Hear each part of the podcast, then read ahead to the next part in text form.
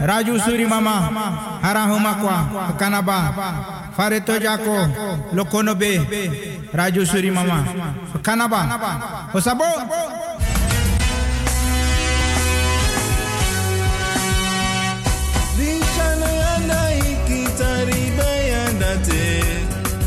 Yando maki haleke betwate wama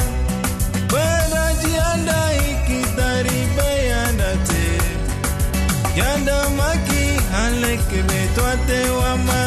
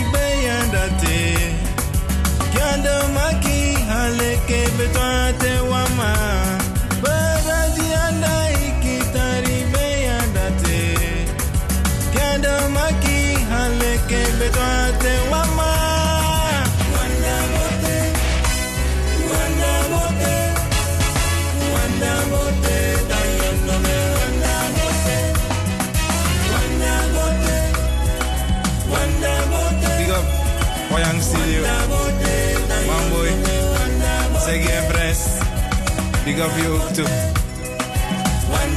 Wat kan dat ba? Dayono be Dorachi wabo Ja, goedemiddag, goedemiddag, beste luisteraars van Radio Surimama. Eh, vandaag zondag 3 oktober 2021. Ja, vorige week waren wij er niet, heeft u ons moeten missen. Maar vandaag zijn we er weer voor de luisteraars die ons gemist hebben. Ja, luisteraars, eh, ik begin met de tien geboden van de Native Amerikanen, van de natuurvolkeren. De aarde is onze moeder. Zorg goed voor haar. Koester al je relaties. Open je hart en ziel voor de grote geest. Alle leven is waardevol en kwetsbaar. Behandel deze met respect. Neem van de aarde wat nodig is en niet meer. Doe wat nodig is voor het goede van alles. Dank de grote geest voor elke nieuwe dag. Spreek de waarheid, wees goed voor anderen. Volg de ritmes van de natuur. Sta op en rust met de zon. Geniet van je reis op aarde, maar laat geen sporen achter. Ja, heel belangrijk, deze natuurwetten om dagelijks mee te nemen in ons leven. En u bent gewend van de radio Surimama dat wij ook aandacht besteden aan de natuur, aan het milieu. En uh, ons bewust van zijn dat wij daar allen een onderdeel van vormen. Ja, luisteraars, wat kunt u vandaag van ons verwachten? Ik ga het namelijk hebben over, uh, voordat ik verder ga, wil ik even het telefoonnummer opnoemen als luisteraars willen bellen. In verband met de opmerking of een vraag of een mededeling. Telefoonnummer is 020 788 4305. Nogmaals 020 788 4305. Ja, waar ga ik het onder andere vandaag over hebben? Over de overgangstijd naar het nieuwe tijdperk. Daarnaast ook wat lezen uit een van de boeken of bundeltjes die rond 2012 zijn geschreven. Ik moet erbij zeggen, er zijn vele boeken geschreven in verband met 2012 dat we naar een andere manier van leven zouden gaan, een nieuwe tijdperk. En uh, ja, dat gaat ook allemaal gepaard met spiritualiteit. En uh, dat is nodig, omdat spiritualiteit gepaard gaat ook met vanuit principes leven. En daar is veel over geschreven, wat men kon verwachten. En uh, ja, ik heb zelf ook een bundeltje daarover geschreven.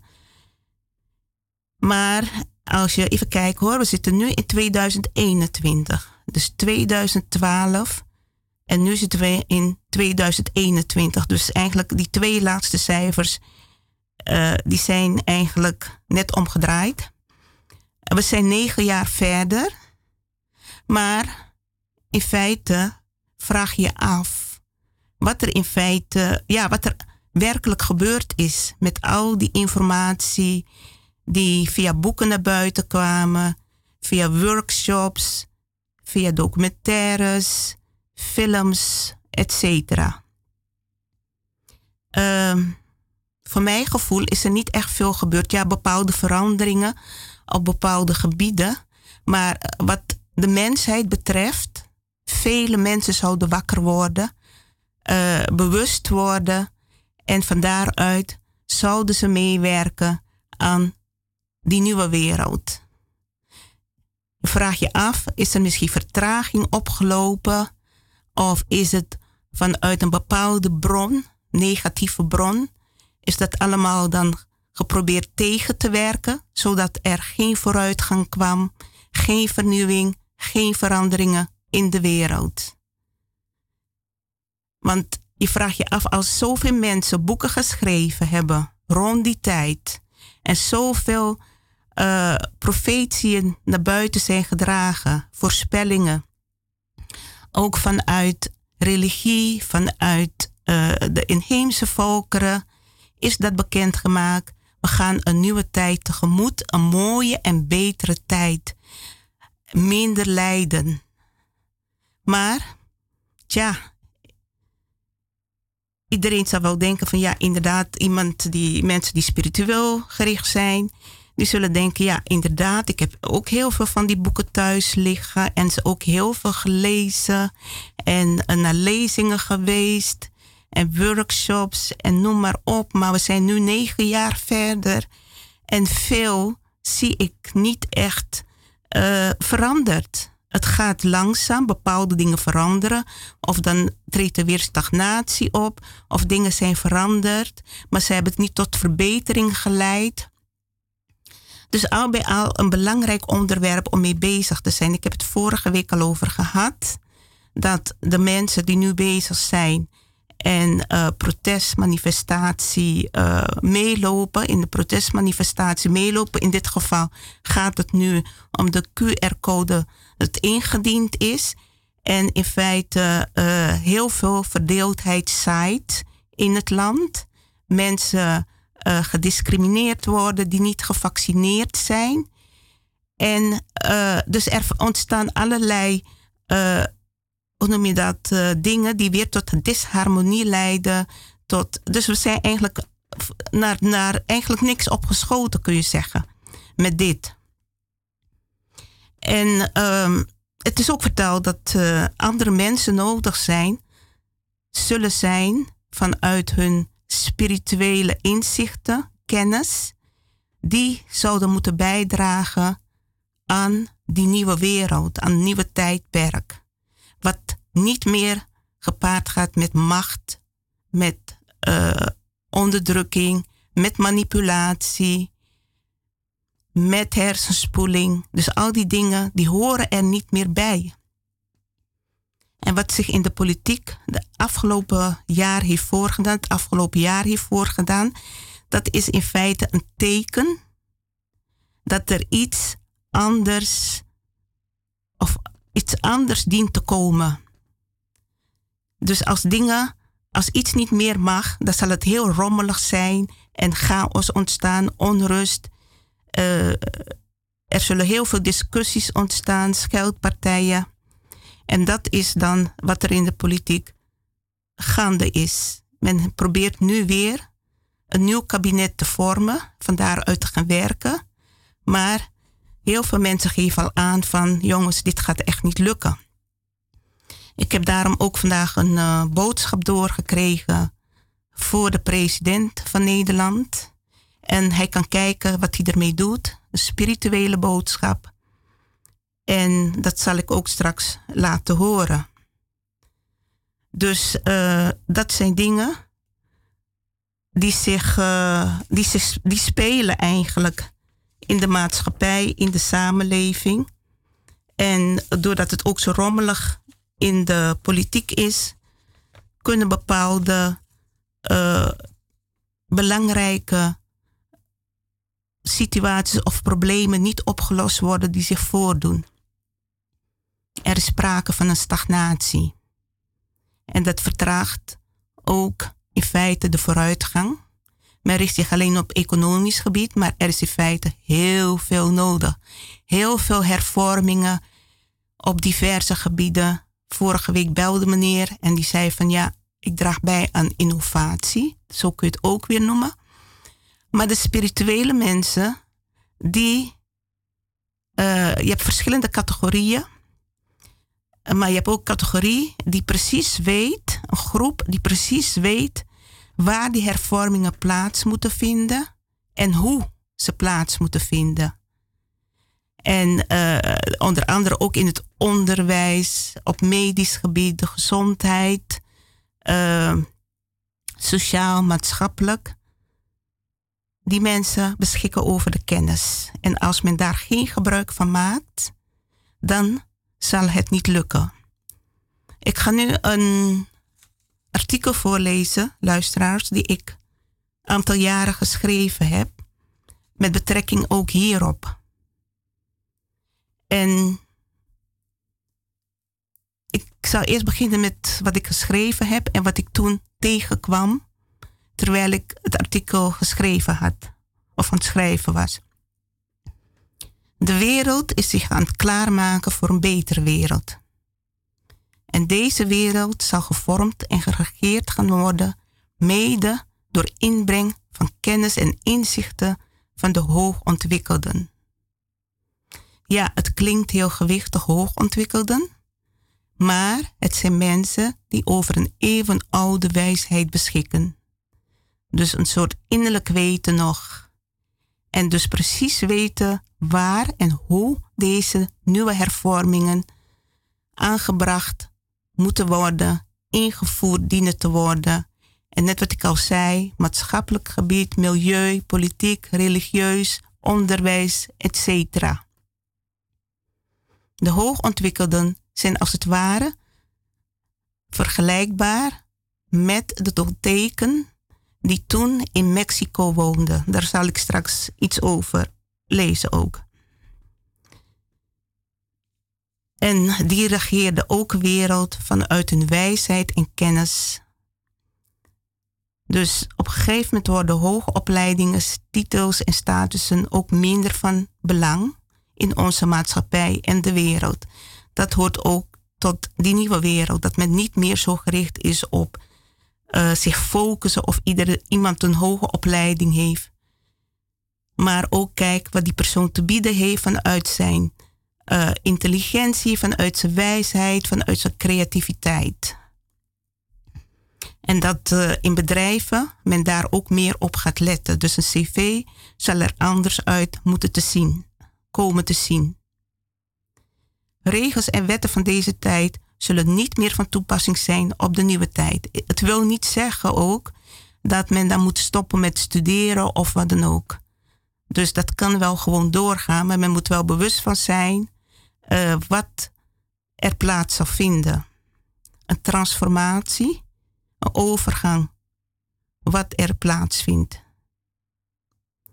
En, net wat ik zeg ook, die hoogontwikkelden bevinden zich vaak onder het gewone volk. Dus mensen waarvan men dacht van, ja, nou, die heeft lage opleiding en die kan dit niet doen of dat niet doen. Men zou versteld staan wat mensen kunnen bijdragen waarvan men niet verwachtte dat ze het zouden kunnen doen. Mensen zullen dan meer gewaardeerd worden. En natuurlijk is deskundigheid op bepaalde gebieden noodzakelijk. Ja, die hoogontwikkelde mensen, die beschikken over ongekende kennis en wijsheid. En vaak ook verbonden aan spiritualiteit. De spiritualiteit is ook weer verbonden aan principes, waarden en normen. Zoals doorgevers is, in die oude wereld stelde men zich niet open voor zulke mensen. Want men dacht, men kan er niet zoveel mee. Maar er wordt dan om gevraagd in die nieuwe tijd. Omdat mensen ook anders moeten gaan denken. En uh, dus oude systemen en oude regels die verbonden zijn aan, net wat ik zeg, macht, onderdrukking, verdeeldheid, ongelijkheid, die horen er niet meer thuis. Of zeg maar superioriteit van een of ander volk of ras. Uh, dus veel mensen ook, wat ik wil zeggen, is dat ook mensen met hoge functies uh, en mensen die dan in de loop van de tijd ontslag hebben gekregen omdat ze uh, hun mening gaven en dat werd niet gewaardeerd, niet geaccepteerd en werden ze ontslagen of mensen die zelf ontslag hebben genomen omdat ze zich niet prettig voelden in hun werkomgeving. En uh, ja, ook niet eens waren met het werkbeleid. Omdat ze vonden dat het niet op, op uh, waarheid gericht was. Of dat het uh, tot goede resultaten leidde. Maar dat ze iets moesten doen waar ze niet achter stonden. Nou, deze mensen die zullen ook de gelegenheid krijgen om nu met hun kwaliteiten en vaardigheden aan het werk te gaan. Dus uh, dit is wat ik toen uh, geschreven heb rond 2009, 2010. En um, ja, het zal op diverse gebieden zijn. Maatschappelijk, politiek, medisch, milieu, klimaat. Pedagogisch gebied, opvoedkundig gebied, niet te vergeten. En dan zal ik even eh, dat stukje voorlezen, tekst, wat ik tegenkwam. Dat in feite mee in, uh, in verbinding stond. Duizenden jaren geleden stonden tot teken in het zuiden van Mexico bekend als wijde, wijze, geleerde mannen en vrouwen. Antropologen spreken over de Tolteken als een volk of ras, maar eigenlijk waren de Tolteken wetenschappers en kunstenaars die een samenleving hadden gevormd om de spirituele kennis en praktijken van de oude wijzen te onderzoeken en te behouden. Het waren toen wetenschappers en kunstenaars, maar nu heb je mensen vanuit allerlei beroepen. Ze kwamen als leermeesters en studenten bijeen in Teotihuacan, de oude piramidestad buiten Mexico-stad, die bekend staat als de plaats waar de mens God wordt. Dus zeg maar niet letterlijk God wordt, maar vanuit het goddelijke gaat regeren. Gelukkig werd de esoterische Tolteekse wijsheid bewaard en generaties lang door verschillende geslachten Neguels doorgegeven. Hoewel ze honderden jaren in geheimzinnigheid was gehuld, hadden oude profetieën aan het tijdperk aangekondigd waarin de wijsheid weer aan het volk zou moeten worden teruggegeven en dat tijdperk is nu aangebroken. De kennis van de tolteken komt voort uit dezelfde wezenlijke waarheid waarop alle heilige esoterische tradities over de hele wereld gebaseerd zijn. Hoewel ze geen religie is, geeft ze alle geestelijke leraren die de aarde heeft gekend de eer die hun toekomt. Dus alle geestelijke leraren van vroeger, van misschien honderden of duizenden jaren geleden. En dat zijn zowel mannen als vrouwen.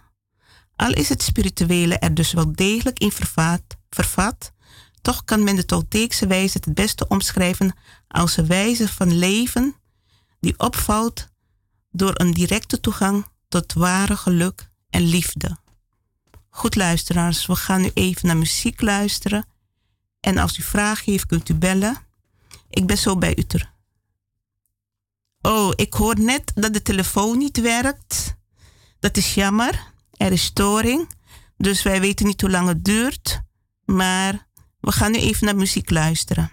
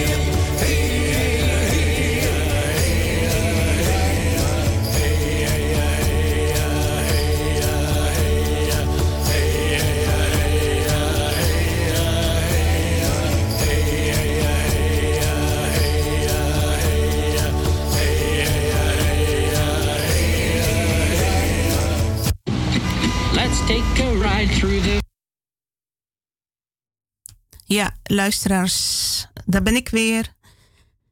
Um, prachtig lied. Native Amerikaans muziek, gebed. En u heeft het net gehoord, uh, de overgangstijd, de tijd naar een, naar een nieuwe tijdperk.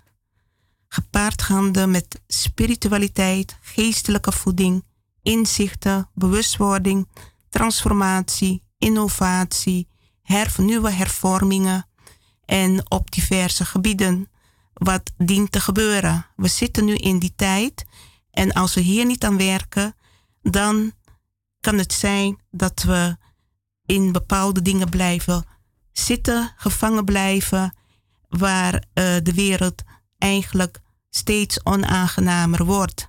En in feite zitten we daar al in, uh, in verband met corona. En al die uh, maatregelen die getroffen worden, dat is aan de ene kant nodig, maar aan de andere kant is het ook weer niet goed, omdat mensen daar weer onder gaan lijden die niet gevaccineerd zijn en om een of andere reden uh, dat ook niet doen, maar dat ze gediscrimineerd worden en dan ben je terug van af. Want men wil geen eh, discriminatie is hier verboden. En als het dan weer op andere vlakken gaat plaatsvinden, en uh, dat gaat weer problemen opleveren natuurlijk. En die hele corona-maatregelen, die zorgen ook voor strijd, voor ruzies, conflicten op werkplekken, familierelaties, vriendenrelaties en uh, nog veel meer eigenlijk. Of op nog meer op andere gebieden, kind-ouder-relatie. En uh, dat is niet de bedoeling, want daar, daar heeft men ook geen vangnet op eigenlijk. Al die uh, problemen die daardoor weer ontstaan en mensen die lijden eronder, mensen die ontslagen worden, die lijden daaronder. Want je wordt als het ware verplicht en er wordt chantage gepleegd van als je het niet doet, hoe goed je ook in je werk bent, uh, dan uh, word je ontslagen. Of je wil ergens een kopje koffie drinken, dat je daar niet naar binnen mag. Dus eigenlijk ergens buiten op een bankje moet gaan zitten. Nee, dat is de bedoeling niet, mensen. Dat is niet de bedoeling van de allerhoogste schepper om zo met mensen om te gaan.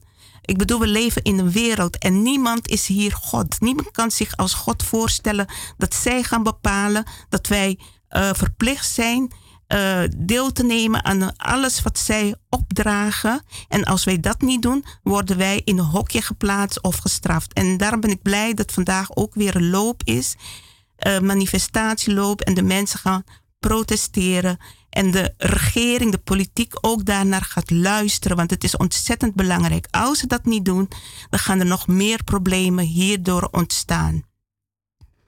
En uh, dat is in feite niet de bedoeling. Ik wil even meneer Kwakko X bedanken. Die zou net gebeld hebben. Op de een of andere manier uh, doet de telefoon het niet. En we kunnen ook niemand bereiken. Maar hij heeft nog net kunnen bellen. En uh, ook bedanken voor hetgene wat hij gezegd heeft. Om ons welkom te heten. En ook uh, onze bijdrage die wij leveren. Dat hij dat ook waardeert. Goed, dus ik heb het al aangegeven. Wat er nu plaatsvindt. En als we stil blijven zitten en het allemaal normaal vinden, dan gaat het helemaal op een gegeven moment bergafwaarts. Dus er moeten mensen zijn, deskundige mensen, die ook zeggen, die, die ook van zich laten horen nu en zeggen van uh, dit heeft gevolgen voor de samenleving, dit heeft gevolgen ook voor de kinderen. Dat uh, die juist goed begeleid en ondersteund dienen te worden. Denk ook aan de kinderen. En uh, dat de politiek daarvan op de hoogte wordt gebracht. In de politiek merk ik dat je al wat mensen hebt die uh, in feite al bezig zijn met vernieuwingen, die niet alles klakkeloos aannemen en ook krachtig hun woord, hun stem laten horen op diverse gebieden, verschillende partijen. En dat is een goede zaak. Ik hoop dat ze daar ook mee doorgaan. Want dat is noodzakelijk. Dat is echt noodzakelijk. En deze mensen die ik heb horen spreken, die eh, weten precies waar ze over praten. Die denken goed over na, doen ook onderzoek. En de luisteraar of de, de mensen hun, hun aanhangers, die willen hun ook groot ondersteunen. Zodat er inderdaad uh, wat er plaatsvindt, chantage, problemen, strijd, conflicten, discriminatie, dat dat in feite stopt. En, maar goed, we gaan straks even verder op. Waar ik het verder over ga hebben, luisteraars. Ik ga straks een, ook een stuk lezen, artikel uit een spiritueel blad. Dat bijdraagt aan persoonlijke groei. Heel belangrijk, persoonlijke groei. En ik wil ook tegen de mensen zeggen die allemaal luisteren. Van welke nationaliteit u ook bent. Van tot welk volk u ook hoort. Het gaat nu echt om samenwerking. Hè? Het gaat niet meer om eigen groep of uh, eigen volk, superioriteit. Het gaat echt om samenwerken. Want er zijn mensen van diverse nationaliteiten, uit diverse bevolkingsgroepen, die over die kennis en wijsheid beschikken. Het gaat niet over twee bevolkingsgroepen, maar die daarover zouden beschikken en de macht in moeten nemen. Nee, daar gaat het niet om. Het gaat om diverse bevolkingsgroepen. Dat men daar zich bewust van wordt. Want dat is ook het positieve van. Die informatie en die kennis is aan diverse mensen van diverse bevolkingsgroepen gegeven. Zij ontvangen die kennis en informatie.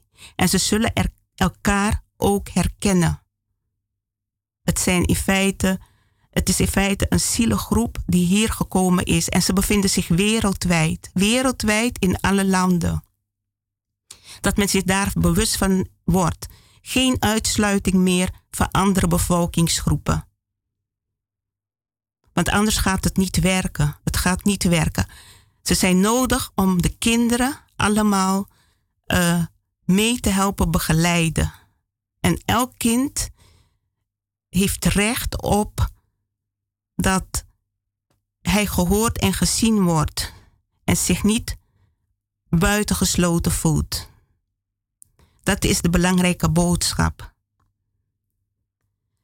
Geen rassenstrijd meer.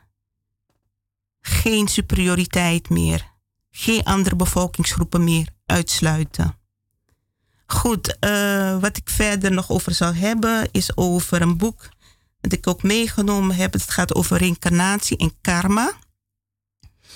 En hierin staat aangegeven ook over wat nationale karma precies inhoud, geografische karma en hoe belangrijk het is ook daar rekening mee te houden met de geschiedenis van een land. Wilt men dat het goed gaat in het land, dan dient men ook rekening te houden met de nationale karma van het land waar u geboren bent. Ja, en uh, Net wat ik zei, ik heb hier ook een boek. 2012 en daarna. Er zijn daarna ook andere boeken geschreven voor mensen die geïnteresseerd zijn. Het gaat om samenwerking en uh, informatie. Kennis en informatie opdoen, zodat u weet ook waar het precies om gaat en wat uw taak hierin is. Um, ja, net wat ik zeg, die, al die boeken zijn over het algemeen geschreven met mensen, uh, door mensen met dezelfde denkvisie, dezelfde visioenen binnengekregen, ingevingen. En uh, die het dan door moeten geven. En als je die boeken leest, komt er heel veel met elkaar ook overeen. Een aantal van die boeken zijn uh, de Maya-profetieën, de Kundalini van de aarde, na 2012, De schoonheid van wonderen, De Celestijnse belofte, uh, mijn boekje zelf Inzichtrijke boodschappen, Transformatie en Bewustwording. Die is op het moment niet bij de boekhandel te verkrijgen, maar ik, laat, ik ga dat wel bekendmaken wanneer dat wel het geval is. Ook boeken over nieuwe tijdskinderen, kinderen die goed begeleid dienen te worden. Kinderen, hooggevoelige kinderen vooral, die vanuit hun, uh, hun talenten begeleid worden, vanuit hun gaves begeleid worden. En nogmaals, het gaat om alle kinderen. Het gaat niet om alleen Nederlandse kinderen. Het gaat niet alleen om zwarte kinderen, maar het gaat om alle bevolkingsgroepen.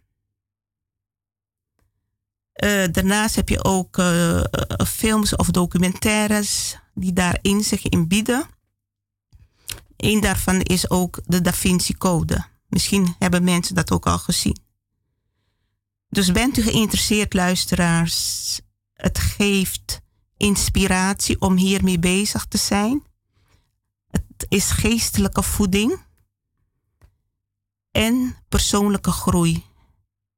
En terwijl u daarmee bezig bent, uh, draagt u, levert u ook een goede bijdrage aan de nieuwe wereld, aan het nieuwe tijdperk. Voor sommige mensen klinkt het nog ongelooflijk, onwerkelijk. Maar het is niet onwerkelijk, want anders waren al die boeken nooit geschreven. Dus dat is een bevestiging dat er inderdaad iets dient te gebeuren en vanuit vertrouwen aan het werk gaat. Heeft u die vertrouwen, dan krijgt u vanzelf de inspiratie en de kracht ervoor om daarmee aan het werk te gaan. Goed, we gaan nu even weer naar muziek luisteren, luisteraars.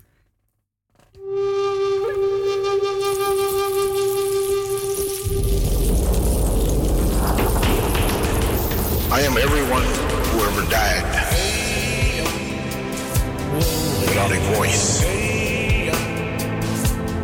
or a prayer or a hope or a chance. Everyone who ever suffered for being an Indian, for being human, for being indigenous, for being free for being under, for being committed. I am every one of them, every single one.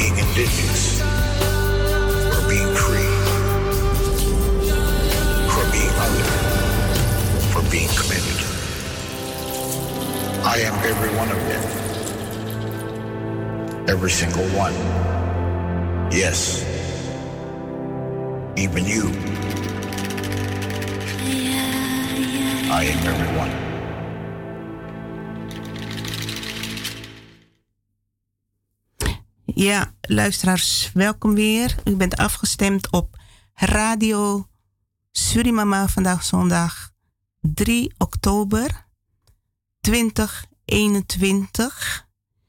En ik heb het over de overgangstijd, de grote strijd, in feite strijd tussen aanhalingsteken, naar het nieuwe tijdperk. Er dient nu aan gewerkt te gaan worden. Dit in belang ook, al wilt u het zelf niet, maar denkt u vooral aan de toekomst van de kinderen. En net wat ik al zei, kinderen, uh, nieuwe tijdskinderen worden die genoemd. Het zijn kinderen die met een nieuwe visie naar de wereld zijn gekomen. Die kinderen zijn wijs, zijn creatief, zijn vaak ook intelligent, maar er wordt daar niet echt aandacht aan besteed. Dus heel vaak gaan zulke kinderen gaan ze geestelijk dood. Er zijn heel veel kinderen ook die achter de computer zitten uit verveling en uh, soms ook hele gekke dingen gaan doen. En dat is eigenlijk zonde. Dus er moet daar een heel nieuw beleid voor komen in het onderwijs om rekening te houden met die kinderen. Het moet niet alleen gaan dat de media, omgaan dat de media zich bezighoudt met transgender kinderen die gepest worden. Nee, het is veel breder in feite. Kinderen dienen geestelijk goed begeleid te worden. Dat is noodzakelijk ook voor hun toekomst. Zij zijn de toekomst. En de politiek dient daar rekening mee te houden.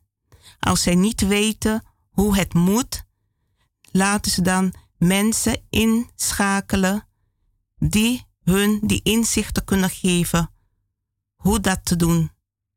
Er blijken wel scholen te zijn die daarop inspelen, maar er zijn in feite te weinig scholen. Dus heel veel kinderen uh, komen in feite op dat gebied tekort. En dat is wat ook meegegeven wordt in heel veel van die boeken over de nieuwe tijd. Laat het een belangrijk item worden in dit land. Want Nederland kan het. In Nederland bevinden zich heel veel spirituele mensen. En die beschikken ook over die informatie. Ook heel veel die die boeken hebben geschreven. Het is heel belangrijk en heel noodzakelijk dat de media, de televisie, daar nu ook aandacht aan gaat besteden. En niet kinderen, uh, kinderprogramma's laat zien dat niet bijdraagt aan een goede ontwikkeling van hun, aan een positieve ontwikkeling van hun.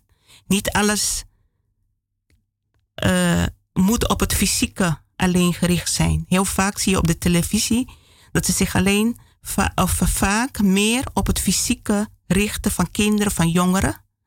En als ze dat doen, het er zit ook een doel achter. Van als men zich meer op het fysieke, fysieke richt, dan hoeft men zich geestelijk minder te ontwikkelen. En kan, kunnen die mensen die macht in de wereld willen hebben, die kunnen die macht blijven uitoefenen op hun manier. Want dat is het plan. Van wij willen de mensen onder controle blijven hebben en uh, wij willen die macht blijven houden in de wereld. Dus dat is ook een onderdeel van hun, om de kinderen zo mogelijk uh, geestelijk te beperken in hun ontwikkeling. Geestelijk jongeren en kinderen daar uh, tekort aan doen, in feite. Goed, um, ik ga nu een stukje lezen over persoonlijke groei uit een spiritueel blad. Je bent niet één persoon, maar drie. De één, degene die je zelf denkt te zijn. Twee, degene die anderen denken dat je bent. En degene die je werkelijk bent. Dat is je ware natuur. Je zegt, dit is mijn lichaam. Dit is mijn geest. Dit is mijn intellect. Dit is mijn geheugen enzovoort. Maar wie is dat mijn? Helaas is er tegenwoordig niemand die zichzelf deze vraag stelt, of weinig mensen. Als je zegt mijn lichaam, onderscheid je je van je lichaam. Je zegt, dit is mijn huis. Maar wie ben jij? Zoek nu eens een antwoord op deze vraag. Hoe lang zal dit huis dat jij het jouwe noemt overeind blijven? Vroeg of laat zal het zeker in verval raken. Al deze aardse zaken zijn aan verandering en afbraak onderhevig. Slechts één ding is onveranderlijk, en dat is het goddelijke principe. Dat is liefde. Als je daar nu maar aan vasthoudt, zul je al het andere leren beheersen. Waar je vandaag ook de dag, waar je vandaag de dag ook kijkt, je ziet alleen maar wensen. Wensen en nog eens wensen. Stel grenzen aan wensen. Alleen dan zal je geest evenwichtig worden. Jullie zeggen al door ik wil dit of ik wil dat. In de materiële wereld. En zo ontwikkelen jullie vele behoeftes.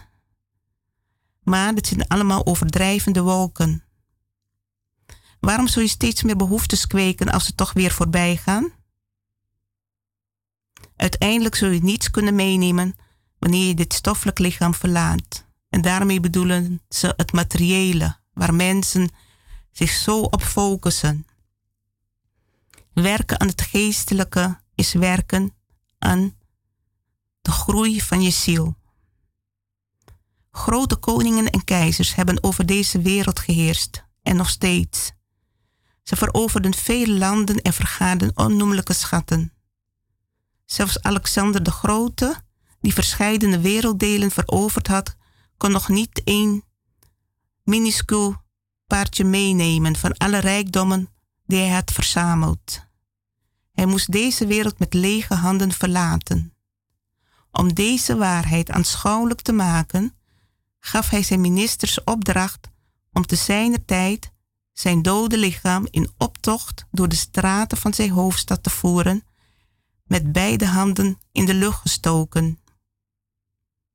Toen de ministers nieuwsgierig vroegen naar de reden van dit vreemde verzoek, antwoordde hij: Ik heb vele landen veroverd en heel veel rijkdommen verzameld. Er staat een groot leger onder mijn commando. En toch zal niets van dit alles mij vergezellen als ik dit lichaam zou verlaten. Ik ga met lege handen. Dit moet aan alle mensen duidelijk worden gemaakt. Natuurlijk mogen de mensen wel wat lichamelijk comfort verlangen en aan bepaalde wensen tegemoetkomen als het nodig is voor hun dagelijks leven. Maar helaas is hun verlangen op den duur onverzadigbaar geworden. Of u nu een paar jaar of een eeuw lang in deze wereld verblijft, op zekere dag moet het lichaam toch afgedankt worden. Koester daarom niet ongelimiteerd verlangens en behoeftes. Koester daarom niet, ja, ongelimiteerd verlangens. Sommige mensen verlangen er intens naar om God te aanschouwen. Waar is God? Jullie allen zijn lichamen van God. God is niet afgescheiden. De mens is waardevoller dan alle rijkdommen van de wereld. In de menselijke vorm is God. We zien drie soorten wezens in de wereld: tamme dieren, wilde beesten en mensen. Laat mij voor zichzelf uitmaken tot welke categorie men behoort: dieren, beesten of mensen. Als je denkt dat je een mens bent, koester dan menselijke waarden. Leid een menswaardig leven en ontwikkel menselijke gedachten. De eerste en belangrijkste waarde is waarheid. Waarheid is niet onderhevig aan enige verandering in de drie tijdfasen verleden, heden en toekomst. Waarheid is altijd waarheid. In die waarheid moet je je geloof vestigen. Al het andere ondergaat veranderingen. Je zegt, ik ben vandaag zo vredig. Hoe zal het morgen zijn? Ja, misschien morgen geen vrede. Alleen verdeling. Dus deze vredige toestand is ook aan verandering onderhevig. Liefde is God. Leef in liefde. In feite wordt je heel leven gevoed en onderhouden door liefde. Als waarheid en liefde samenkomen, is geweldloosheid en harmonie het resultaat. Waar liefde en waarheid is, zullen de mensen geen ruzie onder elkaar maken. Zullen zij niet boos worden op de ander. Als je liefde ontwikkelt, beschouw je alle mensen als je broeders en zusters. Dus ja, het gaat nog even door, maar dit is dan ehm, spirituele informatie om naar onszelf te kijken en ook om te weten, te beseffen waarom we hier op aarde zijn. Dat we ons bewust van zijn uh, wat in feite echt van waarde is en wat ertoe doet. En als we ons daar bewust van zijn, dan hebben we dan een heel andere levensinstelling. Nemen we een hele andere levensinstelling aan. Waardoor we ook meer in balans met onszelf komen. Ze zeggen ook van, doe niet elke dag hetzelfde. Ga eens wat anders doen. Pak iets wat anders aan dan je gewend bent. Want dat geeft soms ook verrassingen. Dezelfde, uh, elke dag dezelfde patroon volgen, leefpatroon volgen. Dat zorgt niet altijd voor groei. Het zijn vaak ook de risico's die je durft te nemen van wat je denkt van ja, maar dat kan niet. En je doet het en je, het is heel verrassend wat eruit komt. Dus dat zijn de mooie dingen in het leven, de uitdagingen die je als mens durft aan te gaan vanuit vertrouwen. En het, het, valt niet altijd mee hoor, want je hebt met allerlei dingen te maken in de samenleving of in het leven, stoorzenders. En dus het is ook belangrijk om inderdaad uh, je daarvoor af te sluiten. En net wat ik zeg, het valt niet altijd mee. De ene keer lukt het beter dan de andere keer. Maar hoe meer je daarin traint, hoe beter het wordt. En hoe minder gevoelig je wordt voor al die, uh, al dat geruis om je heen. In feite, wat niet altijd goede energie geeft of rust. En uh, wat ook vaak tot stress leidt in het leven. En stress is heel gevaarlijk. Nou ja, stress is ergens nodig. Maar als je al te veel stress hebt, heeft dat ook weer invloed op lichaam en geest. Dus houd in de gaten betreffende ook stress. Uh, rust belangrijk. En ik heb, ik heb voorbeelden gezien. En vaak merk je het ook bij jezelf van hé, hey, nu moet je even wat uh, gas terugnemen, want je bent dan heel haastig bezig met dit en dat. En dan merk je toch ook bepaalde uh, signalen. Je lichaam gaat signalen geven. Sommige mensen die gaan, uh, krijgen hartkloppingen. Of die krijgen last van slapeloze nachten. Of die worden heel emotioneel. En beseffen van, hé, hey, wacht even, dit en dat constateer ik. En waarschijnlijk ben ik toch te druk in mijn leven en moet ik wat gas terugnemen. Let op de tekens van het lichaam. Goed luisteraars, ik zie dat we aan het eind zijn gekomen van het eerste uur. Um, de telefoon doet het nog niet. Misschien het tweede uur gaat lukken, maar desondanks, ik zou zeggen, als u geïnteresseerd bent, blijft u luisteren. Dit is Radio Surimama.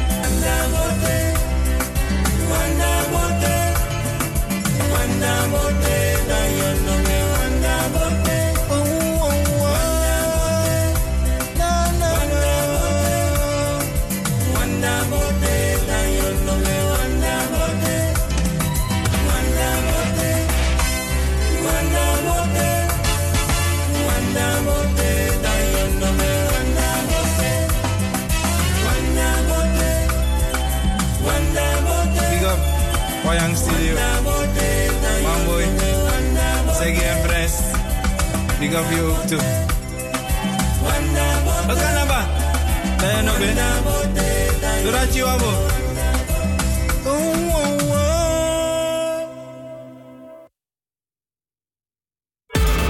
Hakanaba dayo no be. Raju suri mama. Harahu makwa. Hakanaba. Fareto jako. Lokono be. Raju suri mama. Hakanaba. Osabo.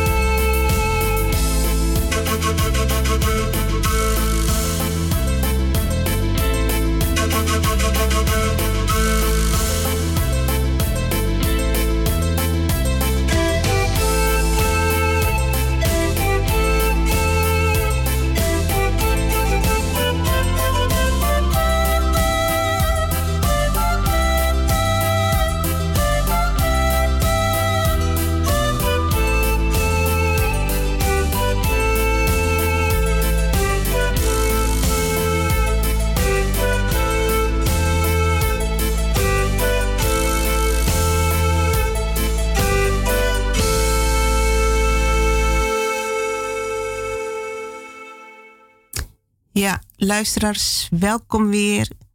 Het tweede uur. U bent afgestemd op Radio Surimama. Vandaag zenden we weer uit van 4 tot 6 uur.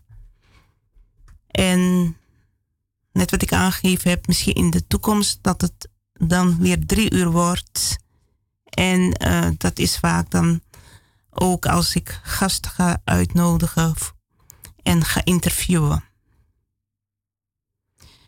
Ik lees nu even een boodschap over volkshelden, ofwel, kunt u ook wel zeggen, rechtvaardige strijders, vrijheidsstrijders. Ze worden vaak als stoorzenders in de samenleving beschouwd. Zij die voor hun mening en waarheid durven uit te komen. Het wordt hen vaak niet in dank afgenomen. En worden vaak door leiders en machthebbenden afgestoten. Ik had staan andersdenkenden, maar in feite zijn hun andersdenkenden dan de doorsnee mens. De machthebbenden sluiten voor hun liever hun ogen en oren, omdat ze niet in hun waarheid geloven.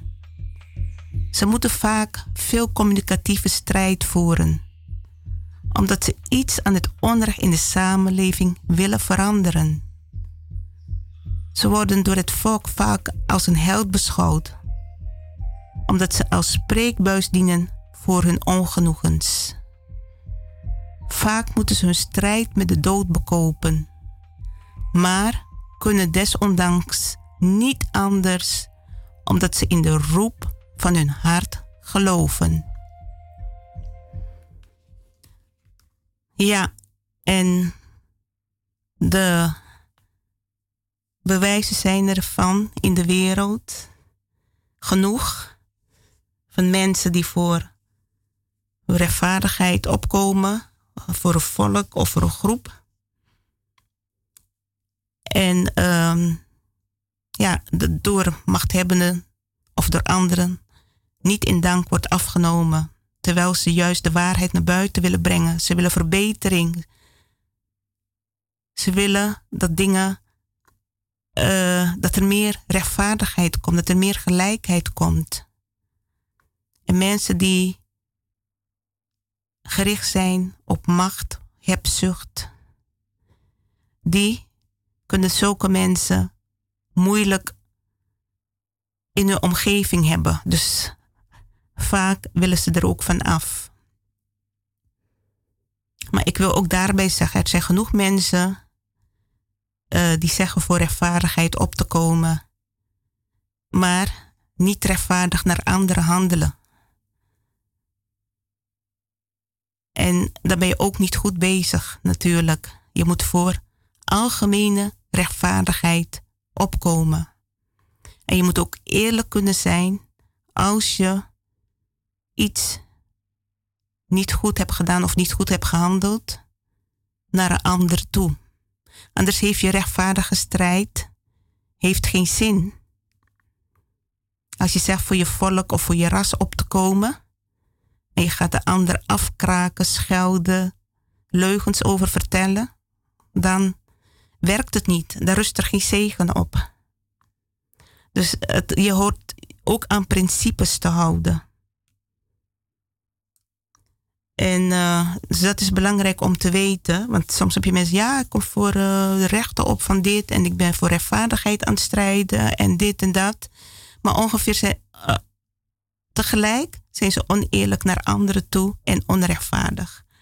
Dus dat mensen zich daar ook aan zelfreflectie gaan doen van oké, ik zet me in voor rechtvaardigheid, maar waar kan ik mezelf ook nog verbeteren en als voorbeeld dienen in feite ook voor anderen. Kijk, je kunt je best doen en sommige mensen, ja, hoe goed je je best ook doet en wat je ook doet, er blijven altijd mensen die dat niet waarderen door om een of andere reden. Dus daar moet je ook bewust van zijn. Maar er zijn ook mensen die echt zich inzetten, heel veel werk verzetten En echt ook gewaardeerd worden in hun groep, door hun volk. En de persoon ook ondersteunen. In het land waar ik geboren ben, dat is nog heel groot gebrek aan eigenlijk. Het is, er moet wat aan de mentaliteit veranderen van de mensen om uh, goede resultaten te boeken. En net wat ik zei ook van, uh, het kan aan het verleden liggen, dat er nooit aan gewerkt is, de geschiedenis, dat uh, mensen nooit aan persoonlijke ontwikkeling hebben gedaan en altijd de mentaliteit hebben gehouden die, die ze nog steeds houden.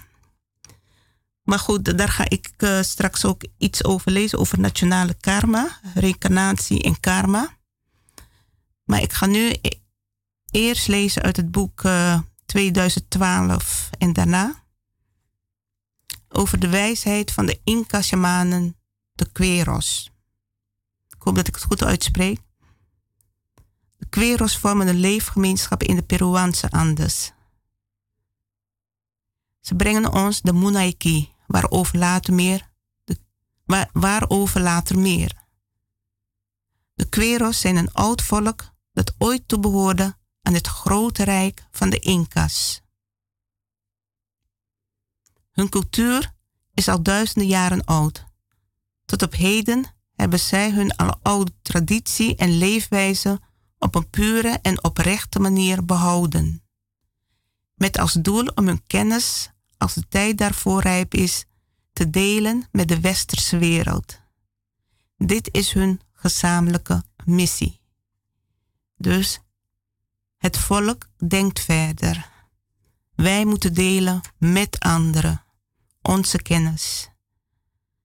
De kweros zijn klein van stuk, maar hun hart en spirituele wijsheid is onmetelijk groot. Zij hebben een vrouwelijke, op de natuur en spiritualiteit gerichte cultuur. Ze bezitten een schat aan kennis over profetieën, geneeswijzen, ceremonies, rituelen en ingewijden. Deze wijsheid hebben zij al meer dan duizenden jaren heel zorgvuldig bewaard. Zij kennen een manier om ver vooruit in de toekomst te reizen. Toen de Queros een voorspelling kregen over de komst van mannen met haar op hun gezicht en vuurspuwende stokken, daarmee een periode inluidend voor grote chaos en veranderingen, zijn zij het hoge bergte van de Andes ingetrokken en daar 500 jaar in isolement gebleven op wel 4500 meter hoogte. Om hun spirituele traditie te beschermen. Ik denk dat het om Machu Picchu gaat, bergte. En uh, met de mensen of de mannen die hun land binnen zouden vallen, worden ook de Spanjaarden bedoeld. Dus door uh, te vertrekken hebben zij voorkomen dat hun kennis verloren zou gaan tijdens de Spaanse overheersing die rond 1500 begon. Onder vaak barre omstandigheden hebben zij hun schat wijzelijk en met veel liefde overgedragen aan de volgende generatie van meester op leerling. Queros hebben ook een voorspelling ontvangen over het juiste moment om zich weer aan de wereld kenbaar te maken. Nu is het tijd om hun wijsheid, levenswijzen en rituelen te delen met de wereld en daarmee de mensheid te helpen zichzelf te genezen van de drang naar vernietiging en om de mensen en de aarde terug te brengen naar een harmonische samenleving. Daarom zijn de Queros nu bijna 60 jaar geleden uit de bergen naar beneden gekomen om hun wijsheid aan te bieden. Dat was dus zo rond 2012. Zij kwamen aan op een groot festival in hun prachtige traditioneel geweven poncho's met het koninklijk embleem van de zon. Sommige mensen herkenden die klededracht en zo werden de Queros met veel eerbetoon ontvangen als de laatste, nog traditioneel levende rechtstreekse afstammelingen van de Incas. En dat na 500 jaar. Sindsdien kwamen er steeds intensievere contacten tussen de Queros en de andere inheemse volkeren. De Queros zijn alom gerespecteerd om hun kennis. Ook de westerse wereld kwam met hen in contact vanaf 1950, aanvankelijk als studieproject van antropologen. Menigeen was echter zodanig gefascineerd door hun levenswijze en kennis dat ze vele jaren bij hen geleefd hebben en bij hen als shamaan in de leer zijn gegaan.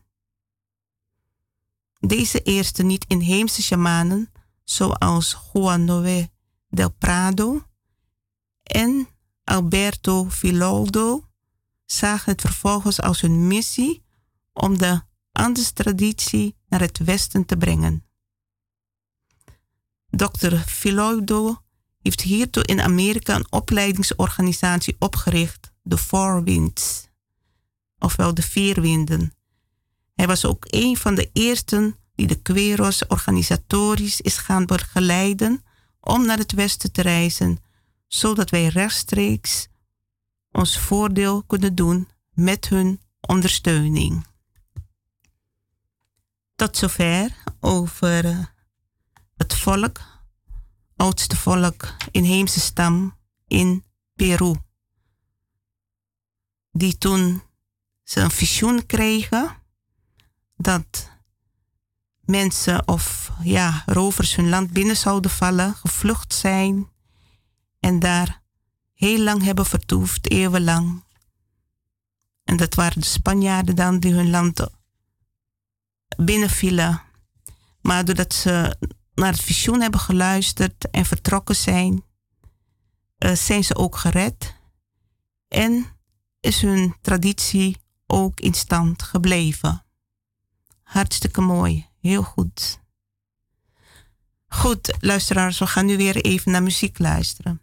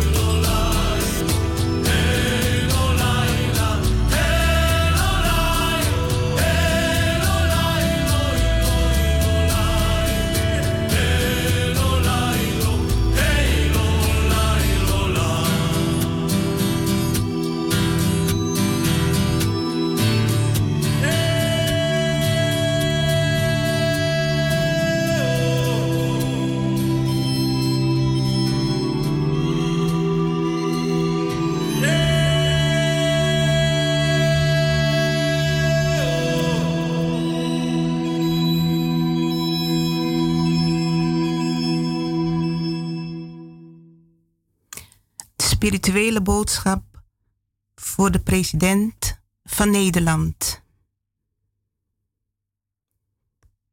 President van Nederland, het is geen tijd meer om vanuit oude regeersystemen aan dit werk te gaan. Oude systemen die voor onrecht en verdeeldheid onder het volk zorgen. U bent in dienst van het gehele volk en in dienst van alle kinderen.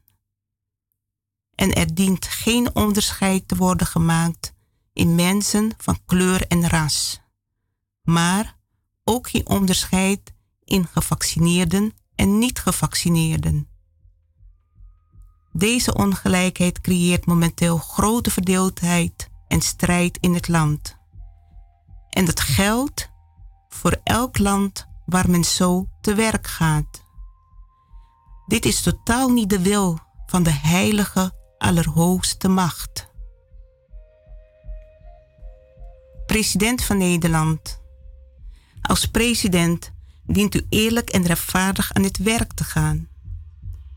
De afgelopen periode heeft u meerdere malen het vertrouwen van het volk geschaad. En het grootste deel van het volk is daardoor het vertrouwen in u kwijtgeraakt. U dient als president het goede voorbeeld te geven aan het gehele volk in het land. En ook naar kinderen toe heeft u een grote verantwoordelijke taak. President en koning van Nederland. Door de vele chaos en onrust in de politiek het afgelopen half jaar, zouden jullie moeten weten dat er hier een spirituele boodschap achter schuil gaat. Een boodschap dat om grote verandering vraagt in leiding geven. Een nieuwe manier van werken en leven dat met principes gepaard gaat. Dat er nu voor, vooral eerlijk en vanuit waarheid aan het werk dient te worden gegaan. En machtsmisbruik en eigenbelang achterwege laat. Dit is noodzakelijk voor goed leiding geven in het land. Geven u en uw aanhangers hier geen gehoor aan, dan zal de chaos en onrust blijven bestaan, waardoor het oplossen van noodzakelijke problemen in het land ook lang stil zullen blijven staan. President van Nederland. Het is nu tijd om los te laten. Het is tijd nu voor u om te gaan en plaats te maken voor nieuwe verkiezingen in het land.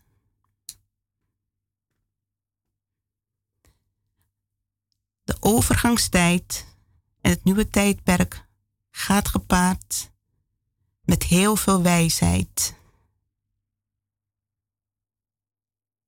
Ja, dus dit is de boodschap vanmorgen geschreven, doorgekregen, de spirituele boodschap. En vanuit de politiek kan men zelf kijken hoe men, wat men hiermee doet. Dus ik zeg, de tijd zal het altijd uitwijzen. En belangrijk om tot bezinning te komen. Heel belangrijk om tot bezinning te komen. Want eigenlijk, ja, als je ziet dat het zo moeilijk gaat, zoveel onrust. En dan denk je, het is even weer rustig. En dan ontstaat weer een nieuw probleem. En het is van alle kanten uit. Dus ja, als, als spiritueel mens ga je ook kijken. Ik denk dat misschien meerdere, meerdere spirituele mensen dat hebben. Dat ze gaan denken van, ja, maar wat is de boodschap hierachter? Hebben ze het niet door eigenlijk dat het zo niet langer door kan gaan? Dat er iets moet gebeuren of die president moet opstappen. En er gewoon nieuwe verkiezingen weer moeten komen. Is dat de boodschap erachter? En de laatste dagen hoorde je dat er ook heel veel bedreigingen zijn naar de president en naar anderen toe in de politiek. Je weet niet wat waarheid is. Dus allemaal van die uh, ja, die situaties, die, die problemen die zich voordoen, turbulentie. En men probeert iets nu te gaan forceren. Men wil op een gegeven moment toch, ja, toch misschien, ja, het lot gaan taarten en zeggen van, we gaan gewoon verder. Ik kan het niet zeggen hoor, maar ik zeg wel, de tijd zal het uitwijzen. Maar het is goed ook om uh, in gedachten te nemen de adviezen die van buitenuit gegeven worden door mensen die van afstand uit de situatie beschouwen. Ik heb uh, nog een boodschap en dat gaat over uh, de nieuwe wereldgeest die geboren dient te worden. Een nieuwe wereldgeest wordt geboren en jullie dienen een nieuwe tijdperk in te gaan. Een nieuw tijdperk wat om, om een betere manier van leven vraagt. Veel mensen dienen nu wereldwijd op te staan en geen onderscheid meer te maken in kleur, religie of ras. Het gaat nu om samenwerken aan dit hogere plan. Het grote onrecht en de onrust op jullie planeet kan zo niet langer doorgaan. Er zijn vele mensen die geestelijk aan kapot gaan. En vele jongeren die zich verloren voelen doordat ze de weg zijn kwijtgeraakt. Of aan alcohol, drugs en seks zijn verslaafd zijn geraakt. En hun toekomst teniet zien gaan. De grote rechtvaardige geest kan dit ook niet langer toestaan. Het is nu tijd om vanuit alle kracht en vertrouwen voor een betere wereld samen aan het werk te gaan. Ook natuurvolken die heilige moeder aarde proberen te beschermen, wordt nog steeds veel kwaad aangedaan. Het is tijd om samen te strijden aan dit hoger plan. En vertrouwen is de basis om mee te werken aan het algemeen belang. Van daaruit zal kracht en inspiratie ontstaan. We dienen dit te doen voor alle kinderen en alle generaties hierna. Goed, uh, luisteraars, we gaan nu even weer naar muziek luisteren. Er is geen interactie met bellers. Dus uh, is niet erg. Ik bedoel, ik heb genoeg informatie. Maar tussendoor moet er ook even muziek te beluisteren zijn.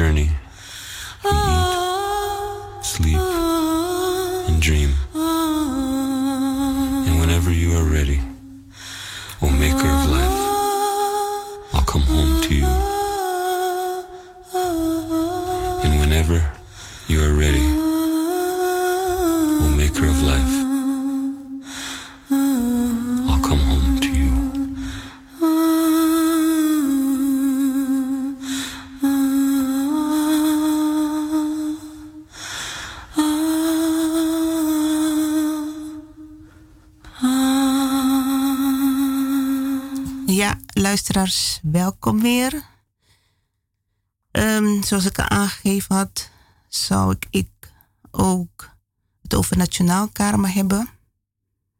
En uh, reïncarnatie en karma, geschreven door een Japanse schrijver. Ik ga geen reclame maken, want dat is de bedoeling niet. Um, maar als mensen geïnteresseerd zijn, kunnen ze dat altijd terugvinden of informatie inwinnen via de stichting Inzicht en Bewustwording van, uh, want van daaruit presenteren wij ook de programma's, behandelen wij de thema's. Stichting Inzicht en Bewustwording, inzicht bieden op diverse gebieden, wat weer tot bewustwording kan leiden en naar een andere en betere wereld of samenleving. Hij vertelt als volgt: Nationaal karma. Wanneer we met onze fysieke ogen naar een land kijken, zien we alleen de stoffelijke kenmerken ervan. Wanneer we kijken naar het land Japan, zien we een etniteit die voornamelijk bestaat uit vier eilanden met bergen, rivieren en plantengroei, omringd door zeeën. De natuur heeft er vele millennia voor nodig gehad om het gebied tot stand te brengen. Ze maakt gebruik van aardbevingen, vulkanen en een heel scala aan geologische verschijnselen om het land te modelleren tot wat het nu is. Het grootste deel van dit werk werd verricht voor de geboorte van de mens. En dan gaat hij verder. Maar wanneer ik Japan op een niet-fysieke manier bekijk, zie ik een heel ander beeld. In plaats van bergen en rivieren zie ik een enorme achterliggende geest. Dat is het spirituele bestaan van het gebied, waardoor het zich op het stoffelijk niveau als land kon manifesteren. Het oude Japanse volk zag de aanwezigheid van dit spirituele bestaan en heiligde het als de nationale godheid. Elk land op aarde heeft zijn eigen geest en die geest heeft zijn eigen karma. De geest is er eerder dan de materie en de nationale geest geeft de aanzet tot de vorming van het gebied. Daardoor fungeert het voor de levende wezens die uit het land voortkomen en tenslotte ook voor de geboorte van de mens als oorzaak van de materialisatie. Het karma van de nationale geest beïnvloedt iedereen die in het land leeft. Of men er nu geboren is of er uit een ander gebied naartoe is geëmigreerd.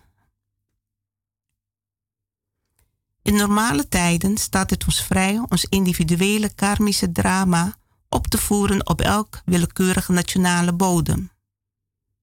Maar in de periode waarin het land in nood verkeert, zoals bijvoorbeeld tijdens de oorlog, zijn de meeste individuele mensen even machteloos tegenover de staat als mieren tegenover een naderende stoomwals. Dit geldt voor elke situatie waarin een groot deel van de bevolking tegelijkertijd omkomt, of het nu is als gevolg van oorlog, hongersnood of een epidemie, en heeft eenvoudig te maken met het feit dat de nationale geest onvergelijkelijk veel groter is dan die van individueel mens. Daarom worden de meeste mensen opgenomen in elke uiting van nationaal karma die zich in hun omgeving voordoet. Toch zijn er altijd mensen die erin slagen zich afzijdig te houden en een nationaal crisis, hoe ernstig ook, overleven. Misschien beschikken zij over een reserve van beter karma dan hun buren, of misschien worden ze door God gespaard omdat Hij hen voor bepaald doel nodig heeft. Ik denk hierbij, hierbij aan de zware nederlaag die Japan leed aan het eind van de Tweede Wereldoorlog de afsluiting van een lange geschiedenis waarin het land nooit door een buitenlandse mogendheid verslagen was. Ik denk dat onze nationale godheid toen de oogst binnenhaalde van de zaden die hij in het verleden had gezaaid. En wanneer ik zie welke zaden Japan nu zaait in haar huidige toestand van welvaart, maak ik mij zorgen over de potentiële karmische loten die daaruit in de toekomst kunnen opschieten. Waar u ook maar geboren bent, het is van belang dat u het karma doorziet, waardoor u met uw land verbonden bent en dat u het met eerbied bejegent. De Japanners hebben misschien een externe neiging tot halstarige loyaliteit en patriotisme, maar dat is hun karma en zij moeten dat uitwerken. Ik denk dat het van belang is dat men allereerst werkt aan de welvaart van zijn eigen land en volk en vervolgens pas aan de vrede en welvaart van andere volken. Iemand die probeert de wereldvrede te bevorderen, maar zelf geen wortels heeft, is als een snijbloem in een vaas. Kennelijk is het belangrijk de energie van eigen land en volk volledig in te ademen. Wil men in staat zijn zich boven nationale verschillen te verheffen, een zinvol wederzijds contact met andere volken van de wereld op te bouwen en een waar, waarachtig internationaal mens te worden. Gras kan niet groeien zonder wortels. Ja, uh, ik denk dat we ook moeten denken aan elk land, wat gezegd wordt, die zijn nationale geest heeft. Mensen die nuchter zijn, die geloven daar niet zo in, maar spirituele mensen, die weten dat wel. En uh, de nationale geest is verbonden aan het oudste volk van het land. Dat men daar, nieuwkomers ook daar rekening mee dienen te houden en uh, eerbied daarvoor tonen. Dat is waar hier, wat hier ook aangegeven wordt. Um, ja, hier hebben ze het nog over geografisch karma. De aarde is de stoffelijke manifestatie van de plantaire geest. Dit kunnen we zo opvatten dat elk natuurlijk object en elke geografische locatie doordrongen is van zijn eigen geest. Oude volken waren hier altijd op de hoogte van. De moderne mens is dit vergeten. Hij denkt ten onrechte dat we met de natuur om ons heen kunnen doen wat we willen. De aarde, de stenen, de bomen, de kleine insecten en alle dingen die samen op deze planeet leven hebben alle dingen die samen op deze planeet leven hebben, hebben ook een geest. Ja, dus uh, wordt hier ook uh, aangegeven, verteld over uh, als je ergens een huis gaat kopen of al ergens woont en er gebeuren allerlei, je ondervindt allerlei problemen dat het ook te maken kan hebben met de energie in de omgeving of de energie in het land, dat in feite gezuiverd dient te worden. Dus als ik die dingen vertel over Suriname, dan denken mensen soms dat je dat verzint. Maar het zijn ja, dingen die op waarheid berusten en de bewijzen zijn ervoor zoals deze spirituele Japanner vertelt, dat het van belang is inderdaad ook op dat gebied aandacht te besteden uh, voor het geheel van het land, voor het goed functioneren van een land. Nederland heeft ook een nationale geest. En ook belangrijk om te kijken hoe het daarmee staat. En regeerders in een land, die hebben ook grote invloed op de geest van een land, op de energie van een land, zeg maar. Hoe het land functioneert. Of de mensen tevreden zijn en ja, niet iedereen kan natuurlijk gelukkig zijn of zich gelukkig voelen, maar dat ze toch een grote bijdrage aan het welzijn van de mens leveren. Ik denk dat er in Nederland daar wel heel veel toch nog aan moet gebeuren aan het welzijn van de mens. Men richt zich te vaak op de welvaart, op goede welvaart en minder op een goede welzijn van de mens. Dus belangrijk ook daar aandacht aan te besteden. Dat hangt ook samen, dat gaat ook gepaard met de overgangstijd, het nieuwe tijdperk. Dus op diverse gebieden kan men aan de slag gaan. En het is mogelijk. En als mensen met vragen zitten of denken van ja, maar uh, klopt het allemaal wel? Want is dat wel mogelijk? Het is heel moeilijk, want in de politiek, in vele landen, uh, maken machthebbers misbruik van hun macht en willen ze die macht niet loslaten, waarbij uh, ja, allerlei problemen ontstaan. Ontevreden volk, u weet het zelf. In heel veel landen wordt er geprotesteerd tegen hun regering. Mensen zijn niet tevreden en gaan de straat op. En in sommige landen wordt het weer een beetje rustig, maar in andere landen lijkt het maar niet uh, geen oplossing te komen. De mensen blijven protesteren en de regering, de politiek, de leiding kan niet tot betere oplossingen komen. En men moet weten, elke president dient te weten dat die in dienst van het volk is. Niet het volk is in dienst van hem of haar, maar ze zijn in dienst van het volk. Ze zijn gekozen door het volk. Zonder het volk zouden zij geen president kunnen zijn of vicepresident. Grootste deel van het volk. Dus uh, het, het, is uh, niet door het hele volk ze natuurlijk gekozen, maar zeg maar grootste deel van het volk. Als de verkiezingen ook inderdaad uh, eerlijk worden aangegeven. Want dat is ook nog iets dat de, de laatste jaren waar men aan twijfelt of verkiezingen eerlijk verlopen. En vaak is dat ook niet te controleren. Dus daar moet er ook meer controle op komen. Soms hoor je ook van dat er een heel groot deel van het volk ontevreden is over een president. En als er verkiezingen komen, dan hoor je dat die toch wel heel veel zetels behaald heeft. En dan denk je, hè, hoe kan dat?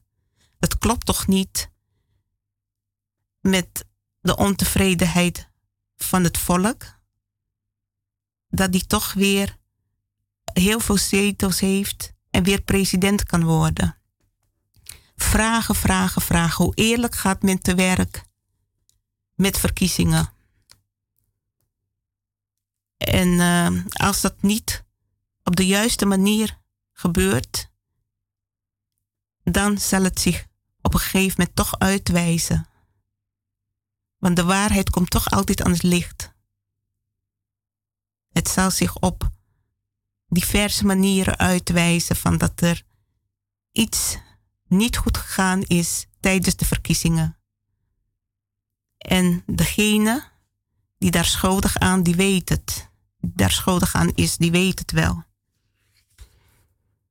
Dus uh, ja, men dient echt tot bezinning te komen en tot bewustwording. Macht loslaten is voor heel veel mensen moeilijk heel veel mensen.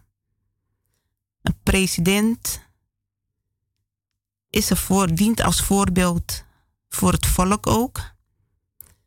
En als je een paar keer gelogen hebt tegen het volk, op een gegeven moment raakt het volk het vertrouwen in je kwijt. En dan kun je van alles doen en proberen om dat te herstellen. Kijk, je kunt altijd een fout maken. Maar als het herhaaldelijk gebeurt, dan heeft het volk, grootste deel van het volk, heeft geen vertrouwen meer in je. Of als je dit belooft en je doet het andere. Je komt je beloftes niet na. Dus dit wordt ook gevraagd. Politiek gebied, hervormingen, nieuwe hervormingen, eerlijk en open beleid naar het volk toe. Als het volk je ter verantwoording roept, goede uitleg kunnen geven. Onlangs in Suriname ook plaatsgevonden heeft. Ook de president die hier was, die blijkt ook niet even eerlijk geweest te zijn. En de vicepresident die ook een handeling heeft verricht om geld uit te delen aan voetballers uit Honduras. Dat iedereen daar versteld van was van hoe kun je dat doen? Je hebt een verantwoordelijkheid aan het land. Je dient als voorbeeld voor het land. Hoe kun je geld gaan staan uitdelen aan voetballers? Mensen gaan zich afvragen, waar kom je, hoe kom je aan het geld en met welk doel doe je dat? Er is zoveel, uh, er is, laat me het zo zeggen, er is armoede, grote, ik weet niet of het echt grote armoede is, maar de mensen hebben het moeilijk in het land, in Suriname. Ze moeten besparen en uh, op heel veel de prijzen gaan omhoog. En dan hoor je gewoon als burger dat een vicepresident gewoon geld uitdeelt aan anderen. Dan denk je, wat is dat? Wat is er aan de hand? Hoe kan dat? Als burger hoor je antwoord op te krijgen, hoor je uitleg over te krijgen. En het geldt hetzelfde voor die president. Ik zag een bericht staan en uh, er zou onderzoek verricht worden en de vicepresident die zou aangesproken worden. Maar op een gegeven moment zei men van ja, uh, men laat het toch liggen. Er komt geen onderzoek. En ik zie reacties van mensen van hè, wat is dit nou? Ja, dat kan toch niet? We hebben toch recht op een antwoord. Waarom heeft dit plaatsgevonden? Hij is uitleg aan ons verschuldigd. Hoe serieus neem je je volk? Vraag ik me af. Hoe serieus neem je je volk om zoiets te doen? En als ze om uitleg vragen, dat je het gewoon wegwuift. Zulke, zulke dingen kunnen echt niet hoor. Ik zie daar ook geen goede toekomst voor Suriname.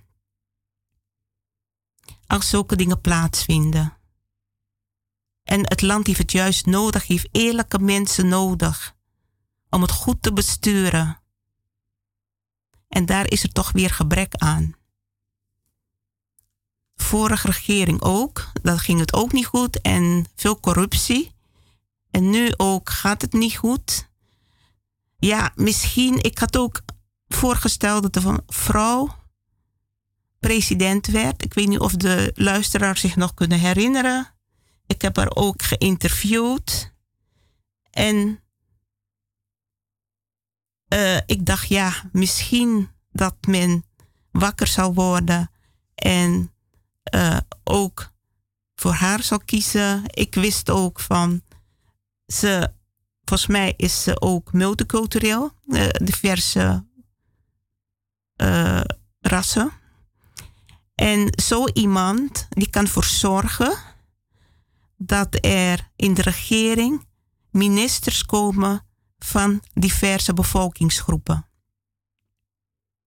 die eerlijk is, die een goed politiek beleid voert, die respect toont voor de oudste bewoners van het land, hun ook zeggenschap geeft, maar daarnaast ook zorgt dat alle bevolkingsgroepen vertegenwoordigd zijn in de politiek.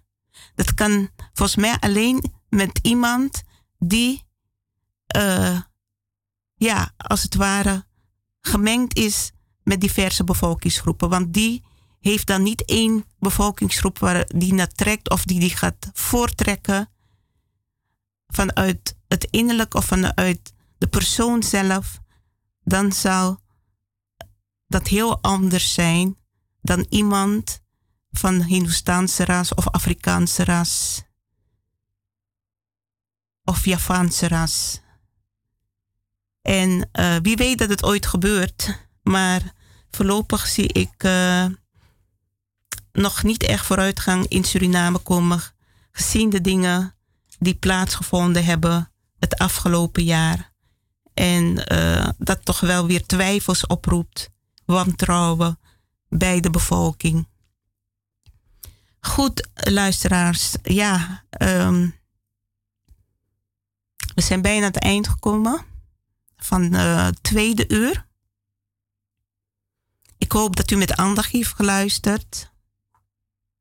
We gaan nu even naar een muziekje luisteren en ik ben zo bij u terug.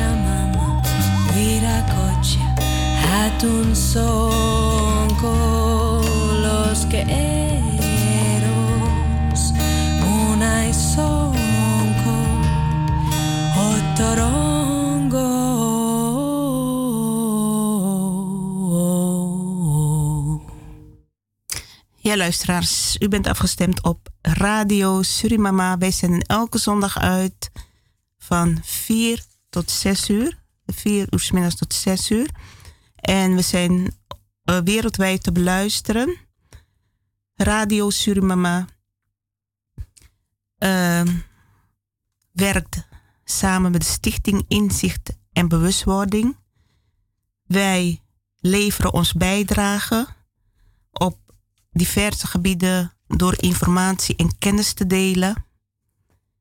En inzicht te bieden wat weer tot bewustwording leidt. Ja, het is vandaag uh, regenachtige dag, gisteren ook. En, uh, maar ik denk dat er nog wel weer mooie dagen zullen komen, zonnige dagen. En daar ook van zullen mogen genieten. Het is belangrijk uh, in huis lekker aangenaam te maken. Uh, lekker een kaartje te branden. Energiekosten die gaan, de, gaan omhoog. En uh, ook veel meer. Dus het wordt letten op de centjes. En ja, eigenlijk bewust leven. Goed, luisteraars, ik groet u. En ik wens u een fijne zondagavond verder, een fijne week. En voor straks smakelijk eten. Ik zou zeggen, tot de volgende keer. Dit was Radio Surimama. Mijn naam is Jonita.